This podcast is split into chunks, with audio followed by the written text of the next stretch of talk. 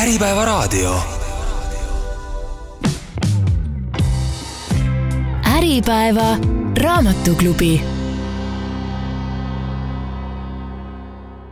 tere päevast, eetris on Äripäeva raamatuklubi, mina olen Tuuli Seinberg ja minu külaline täna stuudios on Tuuli Taimur, Rahvatervise Akadeemia toitumisnõustaja ja koolitaja tervist! nii et kaks Tuulit ja täna meie vestlus käib ümber toitumisteema ja täpsemalt on siis meie vestluse ajendiks doktor Robin Schutkeni raamat Viirusevastane soolestik, seedesüsteemi võitlus haigustekitajatega, mis äsja Äripäeva kirjastusel välja tuli aga me räägime ka üldisemalt toitumisest, tervislikust elustiilist, sellest, mis siis tänapäeval tervislik on üldse. Ja kuidas seda võiks enda jaoks lahti mõtestada, me räägime mikrobiomist, selle tasakaalust ja ka sellest, et mis selle tasakaalu siis uppi lööb ja kuidas seda tasakaalu taastada saaks. Alustame sellest, et vanasti öeldi niimoodi, et armastus käib kõhu kaudu praegu lugedes artikleid toitumisest tundub, et absoluutselt kõik käib kõhu kaudu. ja veel öeldi seda, et sa oled see, mida sa sööd mm. -hmm. kes me siis oleme vot sellise, ähm, sellise nagu üldistuse pealt on väga, väga keeruline vastata, et kes me oleme. et tegelikult võiks siis minna veel äh, spetsiifilisemaks, et me oleme siis see, mis, mis imendub või noh, tegelikult kui mõelda tänapäeva elutempo ja, ja selle peale, mis meie elu mõjutab, siis me oleme justkui sellise automaatika peale läinud. Ühiskond, mis tähendab seda, et see kõik, kõike tuleb teha hästi kiiresti, jooksujalu, jooksvalt.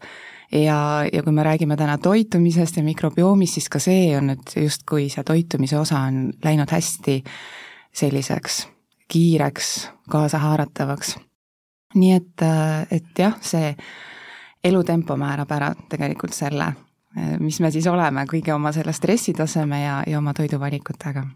ehk siis võiks öelda, et me oleme kiirtoit? jaa, võiks öelda küll, et me oleme selline mugavustoit, et mida saab kiiresti, lihtsasti. kas on ka niimoodi, et et äh, organism on ka sellega kaasa tulnud, selle kiire elutempoga ja ja ka seedesüsteem toimib ehk kiiremini, nii et probleemi nagu polekski. jaa, oleks see nii, siis ei oleks meil nii palju äh, probleeme. Äh, paraku see kiire elutempo ei mõjuta kuidagi meie selles mõttes ei muuda meie keha toimimist ja, ja neid funktsioone, et, et see toimib ikka nii, nagu ta toimib ja kõik see kiirus ja stress, see pigem mõjub siis halvasti. raamat äh, viirusevastane soolestik räägib äh, sellest, kuidas me siis mõjutame siis oma organismi nii toitumise, unerežiimi, sellesama stressi ja kiirustamisega ja ka stressi maandamine ja liikumisharjumused, kuidas need võivad vastupidiselt siis nagu parandada seda meie üldtervist.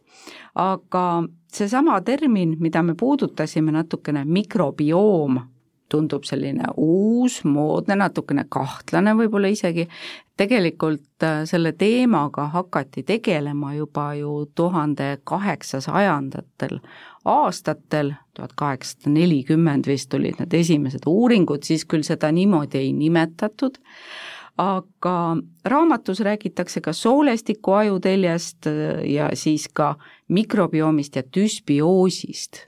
nagu ma ütlesin, võivad tunduda sellised imelikud terminid, et kas need on ikka päris ja kas need on ikka teaduspõhised, võib küsida ka ehk? jaa, võib küsida ja, ja vastus on, et on ikka et äh, nii nagu teadus areneb, need teadmised laienevad äh,, siis äh, üha rohkem ja rohkem äh, on tegelikult ju just nimelt selliseid teadusuuringuid, tõenduspõhiseid äh, teadusuuringuid, süstemaatilisi ülevaateid, äh, metaanalüüse, mis just nimelt käsitlevadki seda meie mikrobiomi, kitsamalt siis soolastiku mikrobiomi hetkel, äh, millest me räägime, ja sellest düsbioosist ehk et äh, see on ju bakterite tasakaalutus meie soolastikus. nii et need on täiesti tõenduspõhised ja see on väga oluline teema, sest üha rohkem leitakse seoseid küll äh, psühholoogiliste probleemide, psühholoogiliste haigustega, autismiga, mm, mis iganes teemadel. Et need on omavahel seotud, nüüd küsimus on lihtsalt, et mis on see põhjus-tagajärg, et kumb on ennem, mis mida mõjutab. aga jah, see on täiesti tõenduspõhine. ehk siis kumb oli enne, kas muna või kana? just, see on seesama. ja kumb... siin on ka vastasmõjud ilmselt? absoluutselt, mis mõjutab, et kuidas minu soolastiku mikrobioom mõjutab minu vaimset tervist või minu mingeid muid haigusseisundeid ja vastupidi, kuidas minu ülekaal või minu haigusseisund mõjutab minu mikrobiomi. sellistel peensustel me praegu peatuma ei hakka, neid mehhanisme selgitab doktor Tšutkan oma raamatus väga täpselt ja, ja põnevalt, aga lähme sellise praktilise teema juurde, et seesama mikrobiom ja elustiil, me natukene rääkisime, et stress, kiire elutempo, kõik see mõjutab. aga oskad sa tuua mõned näited, et kuidas näiteks siis halb toit, suur stress, unepuudus võivad seda mikrobiomi räsida? no kõige lihtsam äh, näide kohe sellest äh, toitumisest, et äh, kui alguses ju oli juttu sellest, et, et me oleme see, mida me sööme, siis tõepoolest see, mida me sööme, see mõjutab ja määrab üsna palju ära sellest, milline on siis minu bakterite kooslus. ja läbi selle tegelikult mõjutab see, millised bakterid mu soolastikus on, mõjutab minu seedimist, mõjutab minu toitainete imendumist, minu hormoonide tootmist, mis on ju samamoodi soolastikus kui me mõtleme une peale siis, siis üheksakümmend protsenti sellisest õnnehormoonist, mis on minu unele toeks, moodustab ju soolastikus. nii et, et kõige esmane asi, kuidas ma oma mikrobiomi või enda enesetunnet mõjutan, on läbi toidu. Ja uni seal samamoodi, et, et see unepuudus mõjutab minu hormonaalset tasakaalu, minu vastuvõtlikkust Äh, et need on sellises jällegi hästi suures koosmõjus ja, ja liikumine, et me ei saa nagu ühtegi asja võtta justkui eraldi, et need kõik asjad mõjutavad üksteist ja toetavad või siis vastupidi. mõned inimesed jällegi väidavad, et kui nüüd, eriti lapsevanemad, et kui nüüd last toita tõesti niimoodi näpuga järge ajades mingisuguse tervisliku toitumise õpikus ja anda talle sellist puhast mahetoitu, täisväärtuslikku toitu, et Äh, siis tegelikult ta kasvabki selline allergik, ta ei talu mitte midagi, tal tekivad toidutalumatused, et targem on ikkagi vaikselt harjutada selle Coca-Colaga aeg-ajalt ja anda neid friikartuleid ja mingit sellist kiirtoitu ka siin on tõepoolest äh, nagu seoseid sellega, et kui ma hoian last väikesest peale hästi sellises steriilses keskkonnas ja ja annan ainult ökotoitu, väga, väga puhast, mis iseenesest ei ole ju halb, aga see tähendabki, nagu seal ka raamatus väga hästi selgitas, just nimelt seda, et, et see kokkupuude nende bakteritega, see immuunsuse kokkupuude, et, et valmistada siis äh, hiljem mind nagu vastuvõtlikumaks kõikidele nendele asjadele, et seal on lihtsalt see mõõdukus, et kas nüüd äh, profülaktika mõttes hakata regulaarselt võtma Coca-Colat või, või mingit kiirtoitu enda menüüsse, et see kindlasti ei ole nii-öelda omaette eesmärk, et, et äkki siis on laps kuidagi tervem täiskasvanuna immuunsus parem. aga, aga just see, et, et ma valin äh, selliseid häid valikuid, et kui mul on võimalik, siis ma ostan seda ökotoitu, aga, aga ka tavatoidu poole ei pea siis selles mõttes äh, nagu äh, hirmul silmadega vaatama, et, et, et millega see võib olla pritsitud. et kui ma pesen, kui ma töötlen ja, ja mul on üldjoontes on nii-öelda mõõdukus ja tasakaal, siis äh, see on, äh, ma arvan, et kõige parem lähenemine.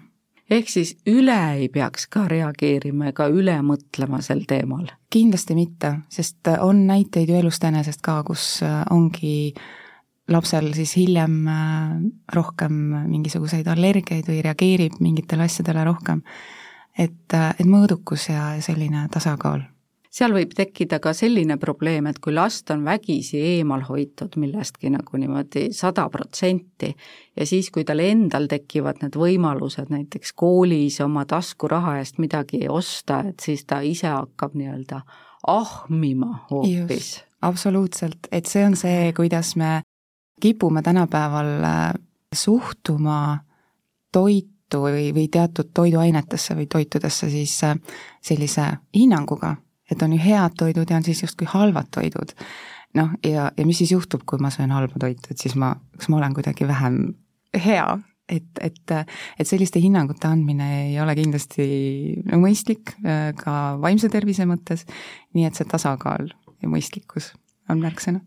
Me tuleme nende toitumissoovituste ja sellise hea ja halva toidu juurde veel lähemalt tagasi peagi, aga räägime veel ühest suurest teemast, mis toitumisega sageli just esimesena seondub, see on nimelt ülekaal.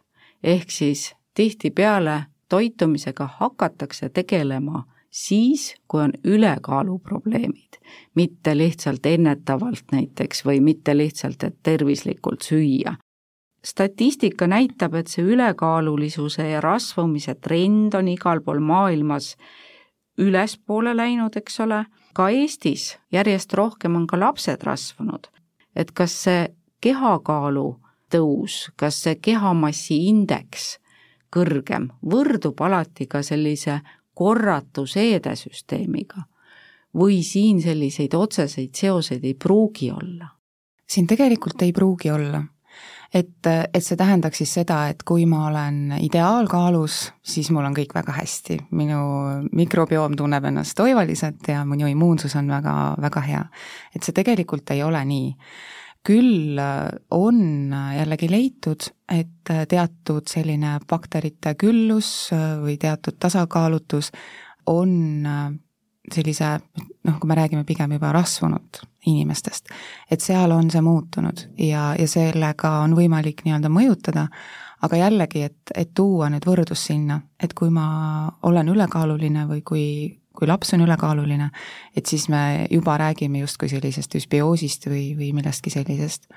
et äh, seal tuleb ikkagi vaadata siis seda, et mis on, mis on see elustiil mis on need toitumisharjumused ja normkaalus tõepoolest, nagu sa ütlesid ka, et sa võid süüa ju mingisuguseid veega immutatud vatitupse, et normkaalus olla, või salvrätikuid, nagu sellised kurioossed lood modellidest mm -hmm. vanasti levisid, et väga ilusa kaaluga, aga noh, ma ei kujuta ette, mis see vatitups mikrobioomile teeb.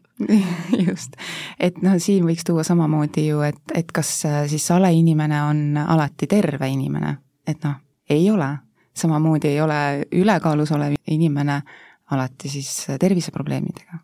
üheksateistkümnendal sajandil tegutses üks prantsuse bioloog Antoine Béchamp, ta oli Pasteuri rivaal ja tema siis äh, töötas välja sellise nii-öelda pinnase teooria siis viiruste ja bakterite suhtes, et, et mitte need ei ründa meid alati ja ei saavuta meie üle siis sellist äh, võitu, sada protsenti, vaid kõik oleneb sellest, et mis on meie pinnas, kuhu see bakter või viirus siis saabub, et kui pinnas on selline väga hästi kobestatud ja kastetud, siis see bakter või viirus ei hakka seal vohama.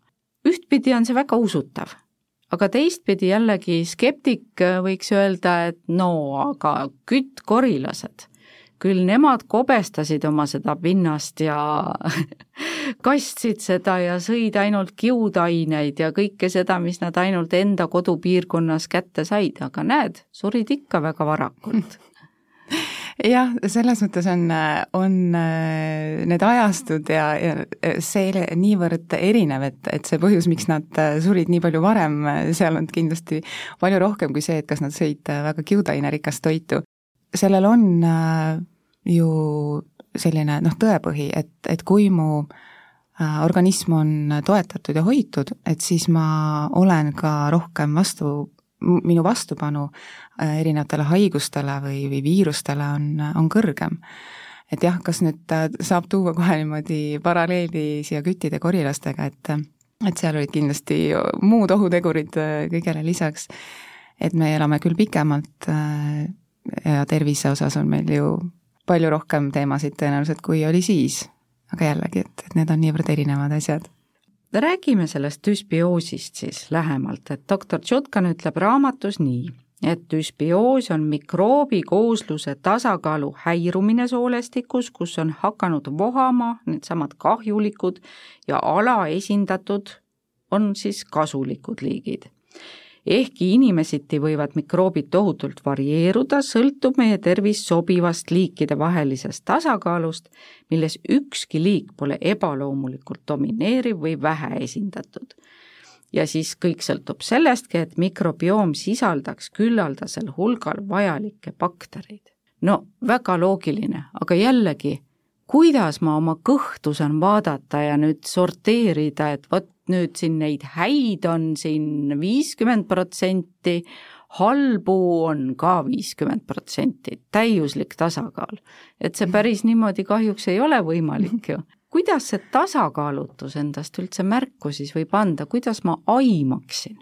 siin äh, väga selgeid, et, et kui mul on näiteks mingisuguse viirushaiguse puhul, et kui mul on kõrge palavik ja mul on veel mingisugused äh, nii-öelda sümptomid, et siis ma tõenäoliselt olen nüüd selle viiruse kandja et äh, sellise düsbioosi puhul ma ei pruugi seda tegelikult üldse aru saadagi, et äh, kui ma olen väsinud, selline suurem väsimustase, kui mul on väga suured maguseisud või mul on äh, puhitused või kõhuvalud, et need kõik võivad olla märk düsbioosist, aga need võivad olla märk millestki muust. et kui mul ikkagi väga isutab äh, maguse järele, jaa, see võib olla düsbioosi tundemärk, aga võib-olla see on sellest, et ma ei ole lihtsalt päeva jooksul piisavalt söönud või mul on pikad toidukordade vahed olnud.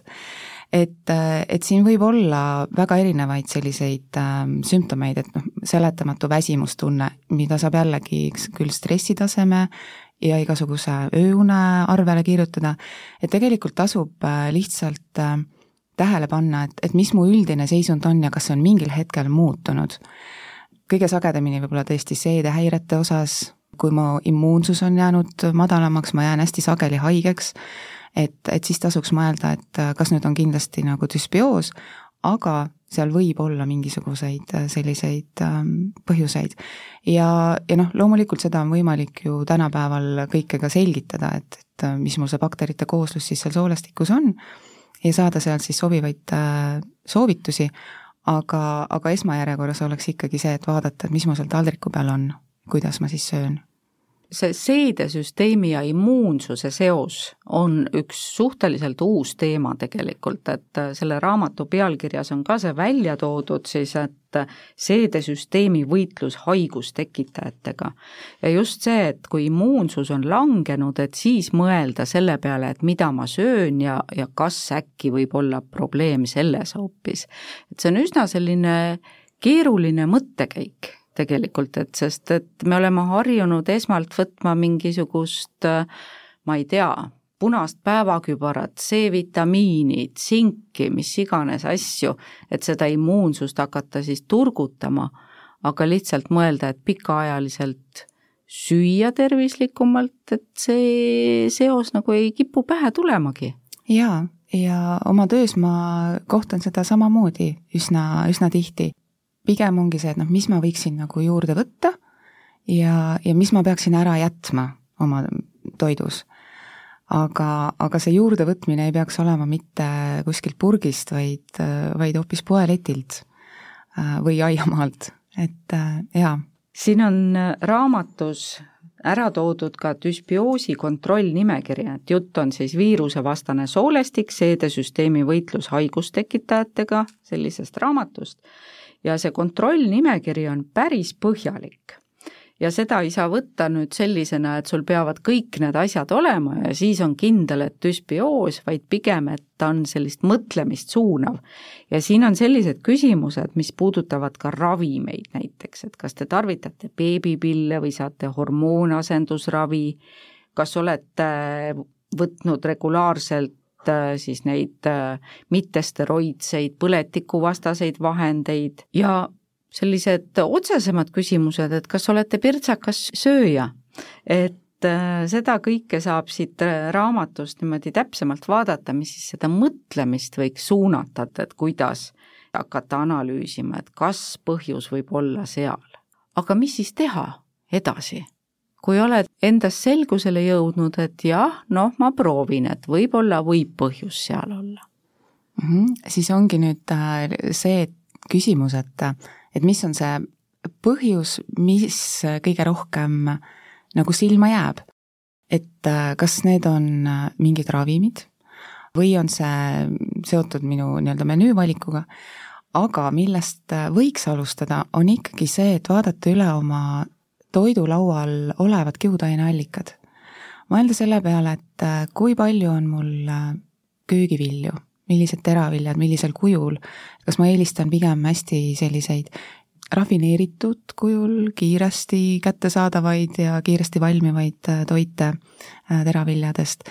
Äh, või mul on seal sellised kiudainerikkad täisteraviljad, köögiviljad, puuviljad, äh, hapendatud tooted, mis tänapäeval äh, on ka ju tegelikult, et see hapukurk on asendunud marineeritud kurgiga ja need ei ole üks ja sama.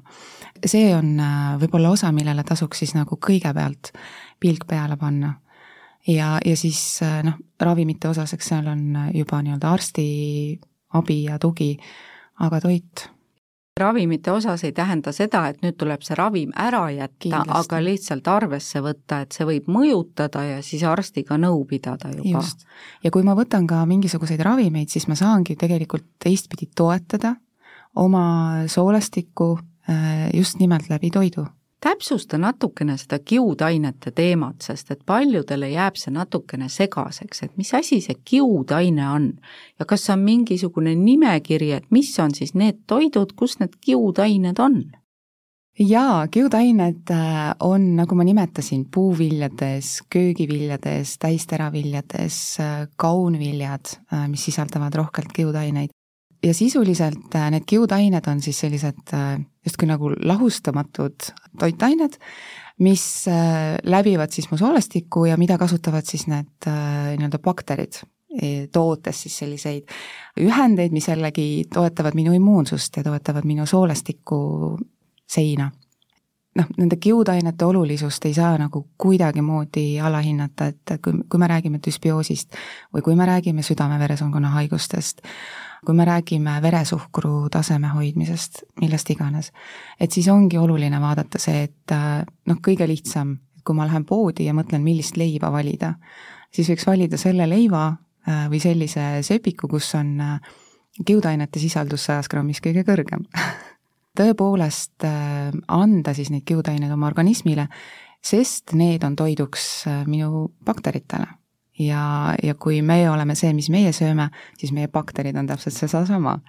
ehk et kui mul ei ole väga kiudaineid ja ma väga meelsasti maiustan pigem selliste magusate asjadega, koogikestega, saiakestega, siis elavad minu soolestikus ka need sellised mind võib-olla mitte nii väga toetavad bakterid.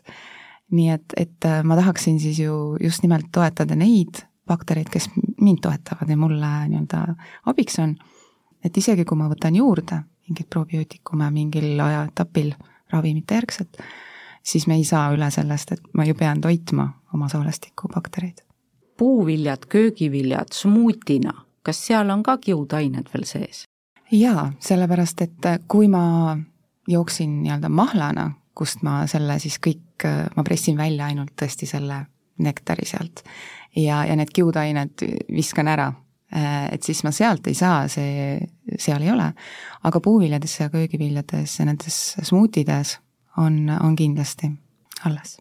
koorega puuviljad, köögiviljad, et tihtipeale ma olen lugenud soovitust, et kiivi koos koorega ära süüa, samas ongi küsimus ju selles, et kõik need keemilised äh, ained, millega on võib-olla neid tooteid pritsitud, et, et kus siin nüüd see mõistlik tegutsemispiir on? Jah, seal koores on ju, eks ju, neid kiudaineid rohkem. Äh, siin see pestitsiitidega töötlemise küsimus ongi ju see, et et jah, ma ei saa seda muud moodi eemaldada kui pestes või siis äh, noh, on ka mingisuguseid imevahendeid, millega siis on äh, umbes, et kui ma pesen, et siis ma saan neid pestitsiide sealt maha aga lihtsalt see, et ma siis pesen hoolikalt äh, kõik need puuviljad ja köögiviljad, mida ma siis koorega tarbin, et, äh, et jah, see pestitsiidide küsimus on täiesti nagu omaette, et noh, et, et kas ma siis nüüd nagu söön neid pestitsiite või, või ma söön nüüd siis neid köögivilju. ikkagi tasuks neid äh, puu- ja köögivilju süüa. et noh, siin kindlasti tuleb ka see, et mis on minu lähedal, mida võib-olla on vähem töödeldud ja pritsitud ja siin tulevad appi ka siis need mahe, mahetooted me räägime doktor Robin Šutkani raamatu Viirusevastane soolestik, seedesüsteemi võitlus haigustekitajatega baasil toitumisest, mikrobiomist, düsbioosist ja toitumissoovitustest, millega siis seda bakterite ja kõhubakterite tasakaalu hoida nii, et tõepoolest ka viirustele paremini vastu peaks, sest sügishooaeg on ukse ees, viiruste hooajad hakkavad lähenema, viimane võimalus on siis metsa peenrale ja, ja turule minna, et ennast turgutada niimoodi loomulikult läbi kõhubakterite. tuleme korraks selle düsbioosi juurde tagasi ja samas läheme sealt edasi, et sellest järgmine samm võivad olla juba sellised tõsisemad seedesüsteemi haigused, et kui tõepoolest seda kontrollnimekirja ei vaata, neid sümptomeid ei pane tähele, et tekivad seal soole ärritussündroom, üha rohkem räägitakse sellisest asjast nagu lekkiva soole sündroom tegelikult ja doktor Tšutkan paneb siin raamatus südamele, et, et imerohi selliste asjade vastu puudub ja ei saa loota, et ma nüüd võtan mingisugust kontrollimata toidulisandit ja, ja siis saan terveks. tuleks asendada, kõrvaldada need pahad ja siis taastada see süsteem, aga kuidas seda teha? kas see protsess peaks käima juba kas koos arsti või siis toitumisnõustajaga?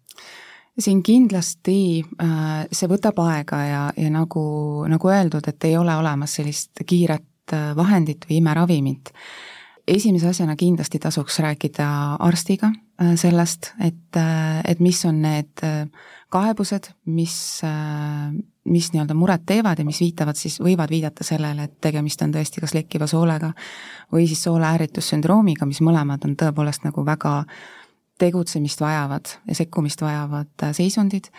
toitumisnõustaja siin aidata ei saa, et äh, sellisel juhul on vaja teha koostööd toitumisterapeudiga, kellel on need vajalikud äh, teadmised nendest olemas samamoodi, kui me rääkisime kiudainetest, et, et see kiudainete roll on oluline, aga kuna see soolestiku Äh, seisund on juba sedavõrd äh, kahjustunud, kui me räägime näiteks sekkivast soolest või ka soole ärritussündroomist, et siis seal äh, need sekkumised kindlasti oleks vaja arsti ja, ja toitumisterapeudiga koos läbi käia, et kuidas siis hakata, et, et mitte rauh, nüüd ma võtan ja, ja muudan, aga, aga see jah, vajab sellist järelevalvet ja tuge kindlasti ehk siis kõigepealt tuleks ikkagi ennast ravida korralikult ja siis hiljem võib-olla, kui tahad oma toitumislauda nii-öelda korrigeerida ja, ja üle vaadata, et siis võib juba nõu pidada, siis võib juba ise hakata nii-öelda näpuga järge ajama mingisugustes raamatutes, kas või selles samas äh, raamatus, millest me siin täna räägime. jaa, ja see raamat kindlasti on väga palju äh, nii-öelda selgitab väga lihtsalt neid äh, tagamaid ja, ja neid sekkumisi, mida siis, kuidas võiks hakata tegema ma küll äh, lisaks lihtsalt seda, et äh, koos selle raviga ikkagi seesama toitumise ülevaatamine käib nagu käsikäes. nüüd on väga oluline roll lihtsalt sellel, et ma jälgin seda, mis, mis ma tunnen, milliseid muutusi ma siis oma seedetraktis ja oma enesetundes tajun et, et sellest lähtuvalt, et seal ongi just nimelt see toitumisterapeudi tugi, et ta aitab siis selgitada, et mis on need asjad, mis äh, aitavad kõige paremini sellel hetkel edasi minna. meie toitumistavades on igasuguseid muudatusi toimunud, me, nagu sa ütlesid, sööme rohkem rafineeritud toitu, kiirtoitu, aga see globaalne maailm on jõudnud ka meie toidulauale, ehk siis me sööme üha rohkem eksootilisi toite me käime reisidel, sööme seal ja ka meie kaubandusvõrgus tegelikult on saadaval asju, millest meie vanemad veel ei oleks osanud undki näha ja ei oleks osanud seda toiduks pidada isegi. Ja samas öeldakse, et inimene ikkagi kohaneb nende muutustega üsna aeglaselt tegelikult, et kuidas sellega on, et kui nüüd odrakördi pealt minna hautatud kaheksajalale mingisuguste eksootiliste puuviljadega.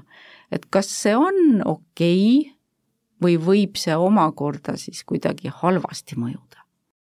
siin äh, on jälle, ma arvan, hästi erinev, sest me oleme hästi individuaalsed ja see, kuidas ma millelegi reageerin või kuidas mu soolestikus äh, see kõik vastu võetakse, võib olla väga erinev. et äh, ma pigem kuulaks siis oma keha, et, et mis mu keha siis selle peale ütleb. et kas see nagu oli mulle hea või mitte vaevalt, et ma nüüd võtaksin siis need hautatud kaheksa jalad endale selliseks iganädalaseks või igapäevaseks äh, toiduks, et, et äh, et me ikkagi oleme siin selles, sellel laiuskraadil äh, ja, ja siin, kus me elame, et, et eelistada neid kohapealseid toite, aga loomulikult, et kui meil on võimalus rikastada oma menüüd või tuua mingisugust sellist vaheldust, et, et noh, siis seda võib teha, aga see jah, kuidas see kellelegi mõjub, on jällegi nagu väga erinev. kui nüüd lehtedest lugeda neid samu toitumissoovitusi ja, ja sedasama, et mida kõike võib süüa ja et kas see on kasulik või ei ole kasulik, siis see info on tohutult üleküllastunud igasugustest väidetest, mis tihtipeale on üsna rasked aru saada tegelikult, kas see peab paika või ei pea paika või et täna on üks asi tervislik, homme on samas lehes artikkel, et see ei ole tervislik.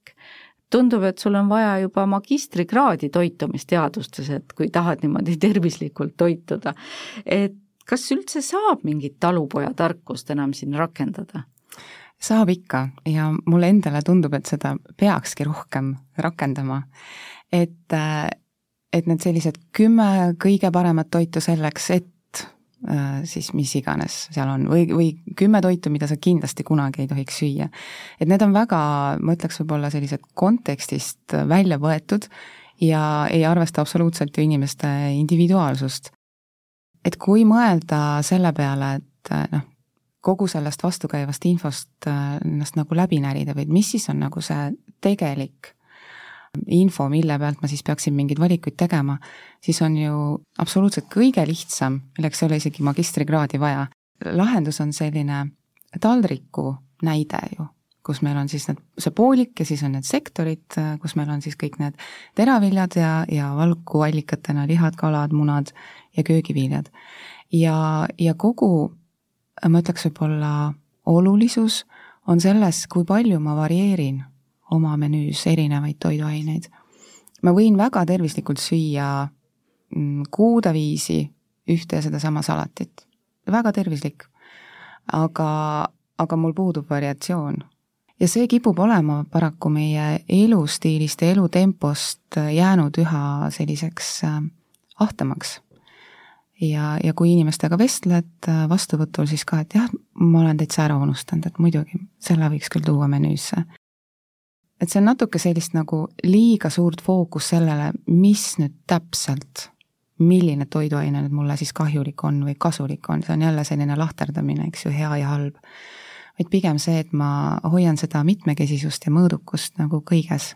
sa juba mainisid koolitamist ja nõustamist ma tahaksingi küsida seda, et mis mulje sulle on jäänud, et milles need teadmised kõige väiksemad toitumise osas inimestel on, et kus on see nišš, mis vajaks kõige rohkem sellist teavitustööd? see on nii hea küsimus, sest äh, siin on tegelikult nagu neid aspekte erinevaid. mõned vajavadki rohkem selliseid ideid, et äh, ma olen ise mõelnud selle peale, et kui me noh, meie ja meie vanem põlvkond on tulnud äh, nii-öelda kasvades koos sellega, et noh, võeti kodust üle mingisugused toidu valmistamise oskused, teatud viisid. Et nüüd on läinud äh, need, see kohustuste hulk, see justkui aeg on nagu vähemaks jäänud, mida siis nagu pühenduda sellele toidu valmistamisele, ja siis olekski vaja midagi kiiresti, aga siis see võiks olla ju tervislik. ehk et ühest küljest äh, neid selliseid äh, mitmekesistamise nippe või viise või et noh, et mida, mida kõige lihtsamal viisil nii-öelda kätte saada ja teisest küljest ongi võib-olla see, nagu ma nimetasin ka, et see fookus, liigne fookus nagu mingitele üksikutele asjadele. et, et see noh, tervik, mida nagu vaadata, et siis seal ongi see, see info andmine, et tegelikult äh, kõik need asjad, mida me sööme või kuidas me liigume, kuidas me mõtleme, milline on meie stressiga toimetulek, eks ju, et, et kõik need asjad äh, kokku, mis siis nagu toetavad et siin sellist äh, ühest vastust, et, äh, et vot mulle tundub, et inimestel on puudu näiteks mingist konkreetsest infost, üldjuhul see info on inimestel olemas. ja suurimaks takistuseks on tegelikult see, kuidas ma saan seda rakendada. kust ma alustan muutusega, mis see väikene asi on?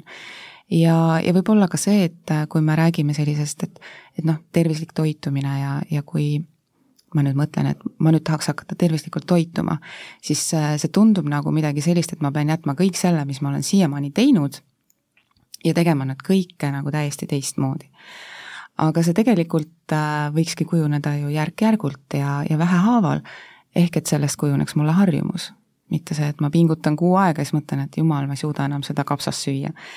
et, äh, et siin on äh, selliseid mitmeid nüansse ja, ja noh, kindlasti ka see, et, et mis on nagu unustatud vana, et äh, igasugused hapendatud tooted või kaunviljad, mis ju meie esivanematel olid rohkem hinnas kui, kui meil, noh, tasapisi hakkab ju juba need tagasi tulema. aga, aga tõesti see talupojatarkuse peale tagasiminek ja mitte liigselt nagu sellist ülitervislikkust nagu taga ajades, et, et mis on hea ja mis on halb vaid äh, kuidas nagu hoida seda tasakaalu ja mitmekesisust. Öeldakse ka seda, et sa peaksid sööma seda, mis on kasvanud siis ütleme sinust mingite kilomeetrite raadiuses. ja teine selline talupojatarkus, mida on öeldud, et kui su vanaema ei oleks seda toiduks pidanud, siis ära seda söö. selline eituse läbi soovitus. kuidas nendega on, kas need võiks paika pidada? Ütleme sellise kilometraaži või, või noh, see põhimõte, et, et söö seda, mis on kasvanud sinu lähedal, see selles mõttes on nagu õige, et, et ma olen ja, ja minu võib-olla noh, kui ma ei ole kuskilt mujalt äh, siia kolinud, et äh, ma nii-öelda geneetiliselt äh, siis olen loodud seda, seda nagu paremini sööma. Teisest küljest see kilomeetri küsimus tekitab alati minus küsimuse, et aga kui see on rohkem kui sada, kui see on sada kakskümmend, et noh, et, et kust me tõmbame selle piiri, kindlasti on see seotud äh, sellise ökoloogilise jalajäljega, mida oleks nagu hea samamoodi jälgida. et kas ma siis ostan Hispaania maasikat või ma ostan siis Eesti maasikat, et äh, noh, siin on muidugi ka muud aspektid veel mängus. Aga, aga iseenesest äh, see selline lähedus, äh, see on asi, millest võiks äh, lähtuda, mis ei tähenda nüüd seda, et ma Poola õuna ei osta, kui mul Eesti õuna ei ole näiteks võtta, eks.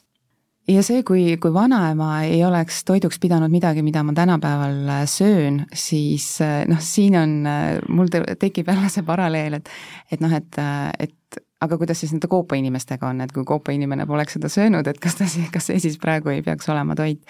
et, et paraku see, paraku või õnneks selline toitumise ja, ja nende toiduvalikute teemad lähevad ju järjest, järjest laiemaks. et kui me räägimegi siin ka juba sellistest taimsetest allikatest, mis on noh, ma ei tea, kalale või, või piimale asenduseks, eks ju, et kas siis neid ei, ei peaks sööma. et ähm, jah, see, selle puhul ma ei oleks võib-olla nii väga nõus. Doktor Tšatkan ütleb raamatus Viirusevastane soolestik siis ka need põhitõed sellisena välja, et tervise alus siis siin mikrobiomi ja seedeelundkonna ja immuunsüsteemi ja kõigi selliste asjade kontekstis on kõrvaldage, asendage, taastage ja ta ütleb ka seda just nimelt, et hea uudis on see, et teil ei tarvitse hakata veganiks ega koopaelanikuks, et oma sisemist ökosüsteemi taas metsistada. siin on ära toodud selline kava, mis hõlmabki, nagu me oleme siin ka põgusalt rääkinud, kogu seda elustiili, nii und, stressi maandamise tehnikaid, liikumist kui ka toitumist. aga kui nüüd rääkida sellest laiemast elukeskkonnast veel, mis meil siin Eestis on, siis mida sina soovitaksid, et kuidas võiks seda inventuuri alustada? kui kuulaja nüüd tahaks, et vot ma tahan teada tegelikult, kas mu elustiil on ikka nii tervislik, sest nagu sa ütlesid, et see selline kapsalehe närimine üks nädal või üks kuu, et võib tunduda ju tervislik, siis sa lööd käega, keegi küsib, et kas sa toitud tervislikult, siis ütled, et jaa mm. -hmm, just. et kui hakata tegema sellist inventuuri enda elustiili mõttes, et, et kuidas ma siis ennast äh, tervikuna toetan, siis äh, nagu meil on siin jutuks olnud, eks ju, et siin on see uni, on liikumine, on see stress, on toitumine, et siis võikski hakata vaatama neid, noh ütleme, et kui ma võtan oma keskmise nädala, siis äh, mis on see, mis mulle jääb silma, on see siis näiteks unega seotud, milliseid võimalusi mul on näiteks oma unetunde, kas siis ma ei tea, pikendada või siis muuta kuidagi kvaliteetsemaks läbi selliste õhtuste harjumuste? Või liikumise osas, et kas mul õnnestub selles osas või kas mul on üldse vaja selles osas, kui mul sellega on kõik hästi, siis on nii-öelda linnuke kirjas ja ma liigun järgmise teema juurde. aga et kas on midagi, mida ma saan teha, ehk et, et kui ma ka nõustajana noh, ju samamoodi mitte ainult ei, ei hõlma puhtalt kitsalt äh, toitumist, vaid, vaid kogu seda inimese elustiili, äh, siis seal samamoodi, et, et mis on see päevarütm või, või mis on need eelistused ja mis on siis need võimalused muuta seda kuidagi paremaks.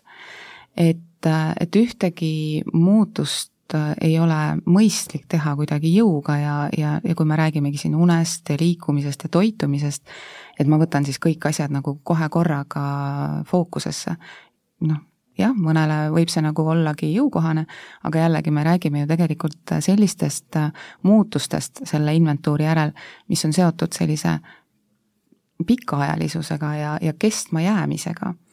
nii et, et kui tahta teha enda elustiilis nüüd või, või sellises jah, elustiilis äh, inventuuri, et siis võikski mõelda nagu selle peale, et, et milline mu nädal on, kuidas ma, mis aegadel ma söön, kas mul on mingisugused toitumisega seotud küsimused, mis tekitavad mus mingit näiteks meelehärmi, et on see magusaisu näiteks, mis mind väga kummitab või, või ma kipun õhtuti sööma rohkem, kui, kui oleks võib-olla vaja. ja, ja sealt äh, hakata siis mõtlema, et mis mul on vaja selleks et seda muutust siis nüüd tegema hakata. et noh, liikumise osas, une osas, toitumise osas on see taldrikureegli põhimõte, eks, millest ma rääkisin. et vaadata korraks nendele peale ja mis on see minu võimekus siis praegu sellised äh, täpsemad soovitused, üldised soovitused leiab ka raamatust Viirusevastane soolestik, siin on ka retseptid lõpus tegelikult mm. -hmm. kui äh, tahta sellist mõnusat tervislikku toitu kiiresti just nimelt teha, siis siit äh, saab ideid. siin on ka soovitused siis kodukeemia kasutamiseks, igasuguste stressi maandamistehnikate jaoks, unerežiimi taastamiseks. ja selle raamatu leiate Äripäeva e-poest aadressilt pood.haripäev.ee, aga lõpetuseks soovitused nendele, kes meid kuulasid ja tahaks kusagilt alustada, et äh, meie eestlaste toidulaud, mida siin hoida ja mida siis asendada või kõrvaldada mm? -hmm.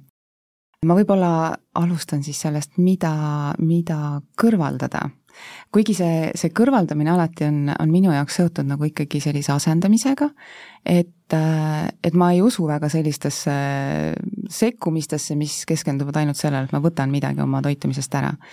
et ma pigem siis võib-olla selle kõrvaldamise mõttes räägingi asendamisest, et, et kui mul on, isutab millegi magusa järele, et siis ma selle magusa võiksin asendada mingite puuviljadega näiteks.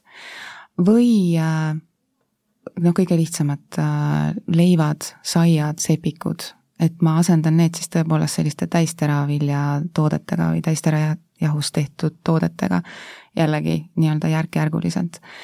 et äh, ma vaataks üle enda liha tarbimise. et kas mul on võimalik seal see näiteks sealiha asendada aeg-ajalt kanaga või munaga või, või mille iganes kalaga kala on kallis, aga, aga vahel äkki ikkagi õnnestub. Et, et vähendada natukene seda loomset osakaalu ja tuua seda taimset äh, osa juurde ja lisada juurde need ära unustatud kahunviljad, mida saab absoluutselt suurepäraselt lisada nii suppidele kui salatitele, kui küpsetistele, noh et minu meelest kaunviljade kasutamisel on ainult fantaasia piiriks rääkimata siis erinevatest määretest, mida on võimalik teha.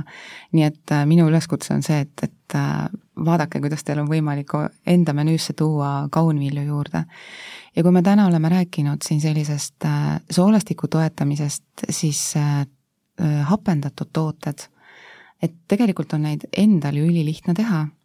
Kes ei ole teinud, kindlasti leiab väga kergeid selliseid õpetusi ju ka internetist, aga et, et jätta kõrvale need marineeritud asjad ja võtta need hapendatud tooted hapendatud piimatooted endale menüüsse, et nendega aitad ka iseenda ja, ja oma bakterite kooslusse soolestikus väga, väga palju.